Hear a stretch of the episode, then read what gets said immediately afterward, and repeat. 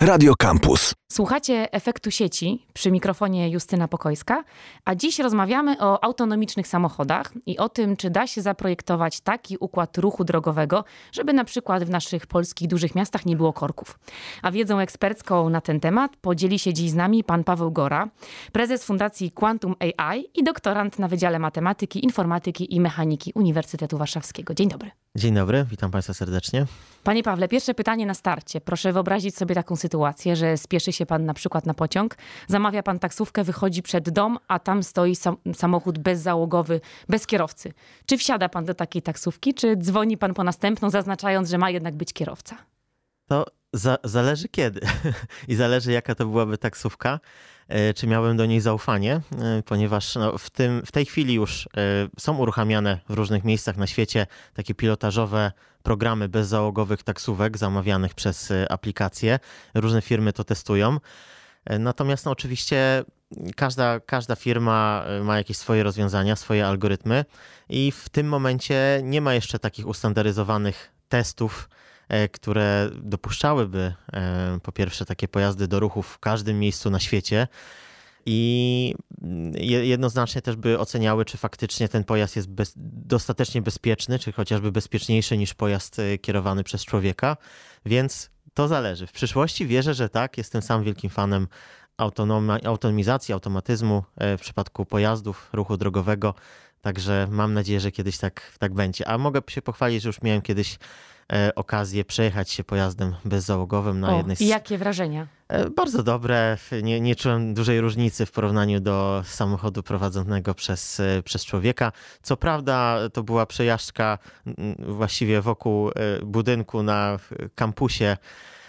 Czyli przy, warunkach przy, przy tak, w warunkach zamkniętych. bezpiecznych, zamkniętych, tak, ale no, w komfort jazdy nie różnił się istotnie od, od standardowego pojazdu no. kierowanego przez człowieka. No bo właśnie czytałam, że te autonomiczne samochody oczywiście będą miały wartość dodaną, bo być może pozbawią nas brawurowych kierowców, którzy mhm. e, no, popisują się na drodze i to nie zawsze jest bezpieczne, ale że one nie ze wszystkim sobie radzą. Jakie są tak. granice autonomii samochodów? Czy na przykład taki prowizoryczny polski objazd, kiedy droga jest remontowana mhm. i puszcza się przez działki czy przez sady e, przy najbliższej drodze, czy to jest do pokonania przeszkoda dla takiego pojazdu, czy on faktycznie potrzebuje autostrady na zamkniętym terenie i sześciopasmowej drogi? To, to jest tak, że takie pojazdy w tym momencie radzą sobie dosyć dobrze, czy właściwie algorytmy, które są tworzone przez inżynierów i, programy e, implementowane, uruchamiane w takich pojazdach, radzą sobie całkiem dobrze w takich warunkach typowych, właśnie tak jak pani powiedziała, autostrada, e, prosta droga, e, czy, czy może nawet jakaś bardziej skomplikowana droga, ale jednak warunki typowe. Natomiast im bardziej są warunki nietypowe, tym faktycznie może być trudniej, no bo w jakiś sposób pojazd musi wiedzieć, yy, musi wymyśleć, jak sobie poradzić w takiej sytuacji. A proszę zauważyć, że czasami, jak są jakieś warunki zupełnie nietypowe, to nawet człowiek, nawet kierowca może, jak to się mówi, stracić głowę i, i nie do końca sobie dobrze poradzić w danej sytuacji. I, e, więc yy, tym bardziej czego tutaj wymagać, wymagać od maszyny. Więc albo po prostu pewne sytuacje takie nietypowe trzeba byłoby rozwiązać e, w sposób programistyczny, po prostu tak zaprogramować ten pojazd, aby e, powiedzieć mu wprost, co powinien zrobić w takiej sytuacji, no ale wiadomo, że możliwych sytuacji jest tak dużo, że nie jesteśmy w stanie praktycznie wszystkich e, możliwości przewidzieć.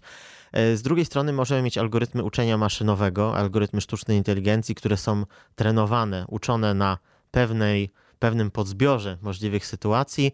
No i jeżeli w, w świecie rzeczywistym będziemy spotykać już sytuacje dostatecznie podobne, to e, te pojazdy, czy te, takie algorytmy sztucznej inteligencji będą w stanie znaleźć jakieś e, rozwiązanie, które być może będzie dobre, ale też najprawdopodobniej nie zawsze. Zawsze będą się mogły trafiać jakieś sytuacje takie zupełnie wyjątkowe, w których może być trudniej, ale zawsze takim powiedzmy wentylem bezpieczeństwa może być to, że pojazd po prostu jeśli nie wie co zrobić, nie rozpoznaje tej sytuacji, nie jest pewny co do swojego e, manewru, może po prostu e, się zatrzymać w sposób bezpieczny, no i potem z tym razem coś trzeba byłoby zrobić. Albo pojazd może przejść w tryb jednak sterowania ręcznego, jeśli jest taka możliwość, jeśli nie, może jakieś sterowanie zdalne, może jakieś inne rozwiązanie. Natomiast im dłużej rozwijamy tą technologię, im dłużej, im więcej pracujemy nad algorytmami, tym lepsze są te nasze pojazdy. Im więcej też danych zbieramy, tym więcej takich nietypowych sytuacji możemy napotykać przy okazji, więc te algorytmy będą coraz lepiej radziły sobie i ten zbiór możliwych sytuacji trudnych z czasem powinien być e, coraz mniejszy. No właśnie, ale pozostaje też e, cała część związana z odpowiedzialnością za taki pojazd. Tak. Mamy tu głośną historię tak. Ubera, który tak. testował tak. autonomiczne pojazdy i niestety wskutek e, tych testów życie mhm. straciła jedna z pieszych, która została potrącona przez taki pojazd. Tam była wówczas awaryjna pani mhm. kierowczyni, która miała zareagować, ale ponoć nie zajmowała się patrzeniem na drogę, tylko na coś innego. Ale no właśnie, kogo wówczas oskarżyć? Na przykład, mhm. jeśli jest przekroczenie prędkości, komu mandat wystawić, tak. jeżeli samochód jedzie bezzałogowy? No to jest, to jest bardzo dobre pytanie, nad którym faktycznie głowią się naukowcy i byłem nie tak dawno na konferencji transportowej, na której była, była taka ankieta właściwie. Można było wrzucać głos do jednej tutaj z trzech, z trzech urn i, i głosować, kto powinien odpowiadać, czy producent, czy twórca samochodu, czy pasażer, który jedzie w tym samochodzie, czy może tak zwany operator, czyli właśnie w pewnym sensie właściciel. No i jak zdania uczonych były podzielone, natomiast chyba jednak przeważały głosy, że to ten operator, właściciel, który jest właścicielem samochodu, a więc niekoniecznie producent, ale ktoś, kto samochód zakupił i podjął decyzję, że ten samochód puszczamy na drogę i ta, powiedzmy, właściciel, osoba prawna, czy, czy jakiś podmiot prawny, czy fizyczny, jest odpowiedzialny też za to, żeby robić regularnie przeglądy, testy. E, więc e, wydaje się, że tu odpowiedzialność producenta powinna się pewnie kończyć, jeżeli taki pojazd przejdzie jakieś testy. Od, odpowiednie testy, które powinny być na pewno bardzo wymagające. E, natomiast jeżeli te wymagające testy taki pojazd przejdzie, to tu już trochę ta odpowiedzialność producenta pewnie się kończy, czy jest ograniczona. Natomiast odpowiedzialność przejmuje już właściciel, ktoś, kto faktycznie zarządza tym pojazdem, odpowiada za to, żeby robić mu regularnie przegląd, że jak pojazd przejedzie jakiś odcinek, to żeby sprawdzić, czy tam nic się nie urwało przypadkiem, czy wszystko nadal jest sprawne. E, natomiast no, tak samo trudno winić powiedzmy pasażera, tak, który no, w jakiś ma być wieziony on, Ma być wieziony, dokładnie. Natomiast jeśli chodzi też o, o, operatora e, czy właściciela, też jeżeli on z, y, będzie spełniał określone przepisy, będzie te testy robił regularnie, przeglądy, tak jak teraz trzeba robić przeglądy, w, w przypadku pojazdów autonomicznych ta odpowiedzialność będzie jeszcze większa pewnie. I, I, te wszystkie testy będą przechodzone, a mimo to zdarzy się wypadek, no to czasami można pewnie uznać, że to jest E, jakiś e, no, szczególny, szczególna sytuacja, e, wypadek, tak jak to, że nie wiem, piorun może uderzyć akurat w, w, pojazd, coś się stanie, to nie jest niczyja wina, więc nikt tutaj być może nie powinien być pociągany do odpowiedzialności, tylko jakieś być może towarzystwo ubezpieczeniowe gdzieś wypłaci komuś odszkodowanie i E, jeżeli to są jakieś szkody, które można faktycznie mm, komuś, e, komuś pokryć, komuś wynagrodzić, bo czasami to się może skończyć tragicznie, ale no są jakieś sytuacje szczególne nawet w naszym życiu, kiedyś idziemy ulicą, kiedy idziemy ulicą, możemy się potknąć i skręcić kostkę na przykład, więc to nie jest niczyja wina. Jasne. A jak pan ocenia, jaka to jest perspektywa czasowa, kiedy spotkamy się już na mhm. skrzyżowaniu rzeczywiście z zauważalną e, liczbą samochodów bez kierowców? To jest też bardzo ciężko przewidzieć, e, bo wydaje mi się, że w tym momencie to jest bardziej już kwestia samej polityki, bym powiedział nawet legislacji, kwestii bardziej prawnych i e, takiego przygotowania chyba trochę też społeczeństwa na to, e, a nawet nie do końca samej technologii, bo technologia e, wydaje mi się, że już jest całkiem rozwinięta, chociaż cały czas mogą być te szczególne przypadki. No ale jeżeli weźmiemy pod uwagę to, że kierowcy ludzie też popełniają błędy, na świecie rocznie w tej chwili ginie w wypadkach ponad milion osób, ponad 20 milionów zostaje rannych.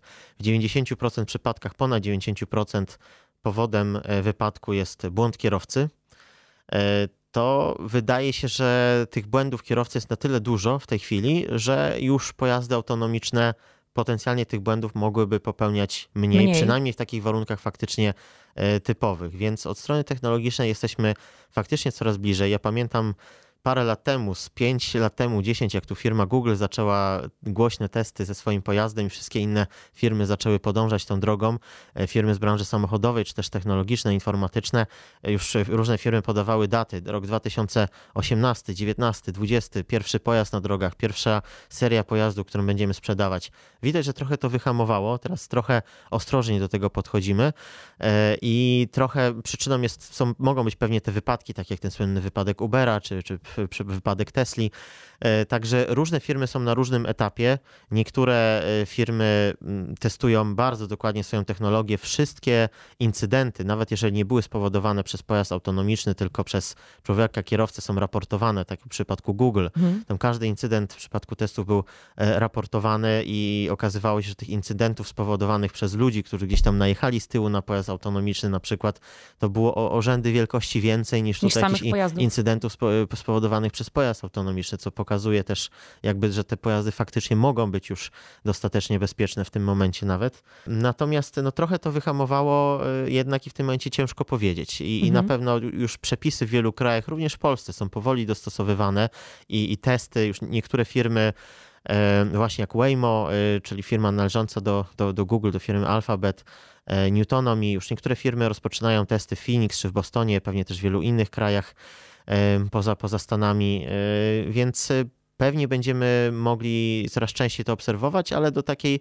rzeczywiście dużej skali no trzeba będzie pewnie jeszcze się, trzeba będzie trochę jeszcze na to poczekać. Naprawdę ciężko powiedzieć, kiedy to może nastąpić. No to pewnie niecierpliwie oczekujemy, ale trochę zostawmy na bok te e, samochody autonomiczne, bo jest też cała przestrzeń, myślę, do wykorzystania sztucznej inteligencji mhm. do tego, żeby zarządzić ruchem drogowym. Tak, I pan bada tak. takie symulowanie i tak. zarządzanie tak. ruchem drogowym. Tak. Czy da się zrobić tak, żeby w Warszawie pewnego dnia o 16 nie było korków? Staramy się to zrobić. Robię badania w tym kierunku, aby, aby kiedyś tak było. No, można podać, podać przykład. Mamy pandemię, zamknęliśmy zakłady pracy, zamknęliśmy szkoły i nagle zmniejszył się ruch i, i być może już teraz nawet korków nie było w czasie naszego lockdownu, który mieliśmy. E, ale bo tak naprawdę to, to co ja robię w pracy, w pracy badawczej, to jest przede wszystkim przede wszystkim projektowanie algorytmu do sterowania sygnalizacją świetlną i te algorytmy faktycznie mogą poprawić ruch, poprawić zarządzanie ruchem, ale nawet takie algorytmy niewiele pomogą, jeśli po prostu pojazdów na drogach będzie za dużo, jeśli będzie więcej samochodów, czy więcej osób, które, którzy chcą, które chcą skorzystać z infrastruktury drogowej, e, niż przepustowość e, drogi w danym momencie, więc też trzeba myśleć o innych rozwiązaniach. E, ogólnie, jeśli pomyślimy o tym, skąd biorą się korki, to jest takie proste równanie, które to opisuje, że po prostu E, popyt jest większy niż podaż, czyli popyt, popyt na infrastrukturę drogową jest e, większy niż e, aktualna przepustowość tej drogi, to co ta infrastruktura drogowa daje. Więc żeby to zmienić ten układ, no to trzeba byłoby zmniejszyć popyt, czyli zachęcać ludzi, aby jeździli rowerami, aby korzystali z komunikacji publicznej, zostawili samochód w domu, aby korzystali z systemów car sharingu na przykład, czy van poolingu. Nad takimi systemami też pracujemy, współpracuję z polskim startupem Brumi Technologies i tam projektujemy system van poolingu, czyli busów, które mogłyby być zamawiane przez smartfon, e, współdzielone, tak żeby te, te busy mogły podjeżdżać pod, e, pod e, pasażerów i wiele osób jadących mniej więcej z, z tego samego miejsca, również mniej więcej w tym samym kierunku, mogłoby być zabranych do jednego busa, bo w tym momencie ja przynajmniej często jadąc autobusem czy tramwajem obserwuję na skrzyżowaniu, że stoi cały sznur samochodów, które wiozą powietrze. Jest jeden kierowca, ma, ma w samochodzie jeszcze trzy czy cztery miejsca i nie ma więcej pasażerów, po prostu wiezie powietrze, tak naprawdę te trzy czy cztery samochody można byłoby być może zamienić, skomasować na jeden. Za pewną cenę, być może trochę późniejszego dojazdu na, na miejsce, ale może niekoniecznie, bo jak zmniejszymy liczbę pojazdów, e, to, to zmniejszą się korki, więc e, być może ten czas e, odzyskamy na, właśnie związany z tym, że być może tutaj trzeba byłoby trochę dłuższą trasę wybrać, żeby najpierw kogoś dowieść na miejsce i potem drugą osobę w trochę inne miejsce. E, także no, są, są tego typu rozwiązania, inne rozwiązania, wprowadzanie e, w ogóle zakazu wjazdu do pewnych stref, żeby zmuszać e, po prostu mieszkańców miast, żeby gdzieś nie jechali, albo wprowadzanie opłat za wjazd czy za parkowanie, co też ma być takim odstraszaczem. I w wielu miastach na świecie stosuje się takie metody i, i takie metody są chyba nawet najskuteczniejsze, żeby zmuszać ludzi do tego, żeby zostawiali swoje samochody w domach, żeby przesiadali się z samochodu na rower czy komunikację publiczną, albo w ogóle pracowali zdalnie. E, natomiast no, my też nie, nie lubimy, kiedy nam się czegoś zakazuje, dlatego też warto pracować nad innymi rozwiązaniami, właśnie nad algorytmami sztucznej inteligencji. E, no ale tak jak powiedziałem, to wszystko zależy od tego, jak dużo tych będzie samochodów i jakie będą nasze nawyki. I ja też zachęcam wszystkich, którzy jeszcze teraz przez te miesiące nie przekonali się do, do pracy zdalnej, to żeby y, korzystali z tych możliwości, które, które są, bo to E, moim zdaniem naprawdę może podnieść efektywność, oszczędzić wiele czasu właśnie związanego z dojazdami i też poprawić e, transport w miastach. No z drugiej strony po prostu faktycznie zmniejszyć liczbę pojazdów, które mamy na drogach, czy nawet na parkingach i te tereny odzyskane być może z parkingów też można zamienić na jakieś parki, tereny zielone. No ale tu taki obraz nam się maluje z tego, co pan mówi, że właściwie wykorzystanie nowych technologii, czy tej sztucznej inteligencji, to jest zepchnięcie dużej odpowiedzialności na użytkowników, którzy nie tylko e, mają stać się bardziej świadomi tych rozmaitych zagrożeń, mhm. na przykład idących z, wynikających z samodzielnego korzystania z samochodów, ale mają też, tak jak pan zachęcał, przesiąść się na rowery. Czy to nie jest tak, że trochę tłumaczymy sobie być może jeszcze niedoskonałość naszych technologii tym, że użytkownicy tak masowo lubią jeździć i że ta liczba mhm. samochodów jest nie do ograniczenia? Nie, nie do końca. To znaczy, e, to jest tak, że oczywiście trzeba mądrze planować miasta, tak? E, I natomiast tak jak powiedziałem, jeżeli tych pojazdów e, poruszających się po drodze będzie bardzo dużo, bo będzie taki popyt, bo nagle wszyscy chcą się dostać do centrum miasta, bo akurat w centrum miasta na przykład zbudowano e, jakieś, nie wiem, centrum tutaj biznesowe, powiedzmy Warszawy, wszyscy tam po prostu chcą jechać. Więc takie sam, na samym etapie planowania miast, mądre planowanie miast, tak żeby faktycznie takie miejsca pracy czy miejsca edukacji nie były skomasowane w jednym miejscu, tylko bardziej rozproszone po różnych obszarach, żeby nie było tak, że faktycznie wszyscy w jednym czasie, w tym samym momencie jadą w to, w to samo miejsce. No i dodatkowo infrastruktura drogowa, więc oczywiście można e, budować nowe drogi, można budować więcej pasów ruchu, no ale też jeżeli budujemy więcej pasów ruchu, to po pierwsze zabieramy miejsce dla czy to terenów zielonych, czy nie wiem, jakichś ścieżek rowerowych na przykład. E, a z, z, drugiej strony też już e, życie pokazywało, że nawet jak e, do, dobudujemy nowy pas ruchu, to i tak użytkownicy będą potrafili go zająć. Po prostu jak poprawi się trochę ruch, będzie jechało się dzięki temu trochę szybciej, nagle będzie więcej samochodów i potem po pewnym czasie znowu będą korki. E, więc e, tu jest bardzo wiele czynników. To jest jakby taki system naczyń połączonych i e, trzeba, trzeba to wszystko planować z głową wielowymiarowo w pewnym sensie, czyli i na poziomie samego planowania miast, planowania infrastruktury, sterowania sygnalizacją świetną, planowania transportu publicznego i takich właśnie systemów jak car sharing czy, czy carpooling, vanpooling, ale również zachęcania do tego, żeby właśnie przesiadać się na rowery i zostawać w domu kiedy, wtedy, kiedy można. Czyli właściwie wyszliśmy od wątku o autonomicznych pojazdach, które nie będą nas potrzebowały do tego, żeby bezpiecznie jechać, mhm. E, a skończyliśmy na temacie związanym z bardzo aktywnym udziałem obywateli mhm. w jednak odpowiedzialnym korzystaniu e, z tych nowych technologii. Pozostaje nam teraz tylko trzymać kciuki za Pana badania i za to, żeby udało mhm. się jednak zoptymalizować ten ruch, zakładając, że my jako obywatele, jako kierowcy, jako uczestnicy tego ruchu drogowego będziemy odpowiedzialnie podchodzić, nie nadużywać gościnności tam, kiedy, wtedy, kiedy jest to możliwe, na przykład zostawać w domu, do czego w mhm. tym momencie zachęcamy wszystkich, ale Mam nadzieję, że będzie jeszcze okazja do tego, żeby rozmawiać e, o, o kontynuacji Pana badań i o tym, co, mhm. co udało się dalej ustalić. Dziś rozmowy musimy zakończyć, bo czas na antenie też jest ograniczony, więc serdecznie dziękujemy za rozmowę. Naszym gościem był dzisiaj pan Paweł Gora, doktorant na Wydziale Matematyki, Informatyki i Mechaniki Uniwersytetu Warszawskiego i prezes Fundacji Quantum AI. Dziękuję bardzo, panie Pawle. Dziękuję bardzo.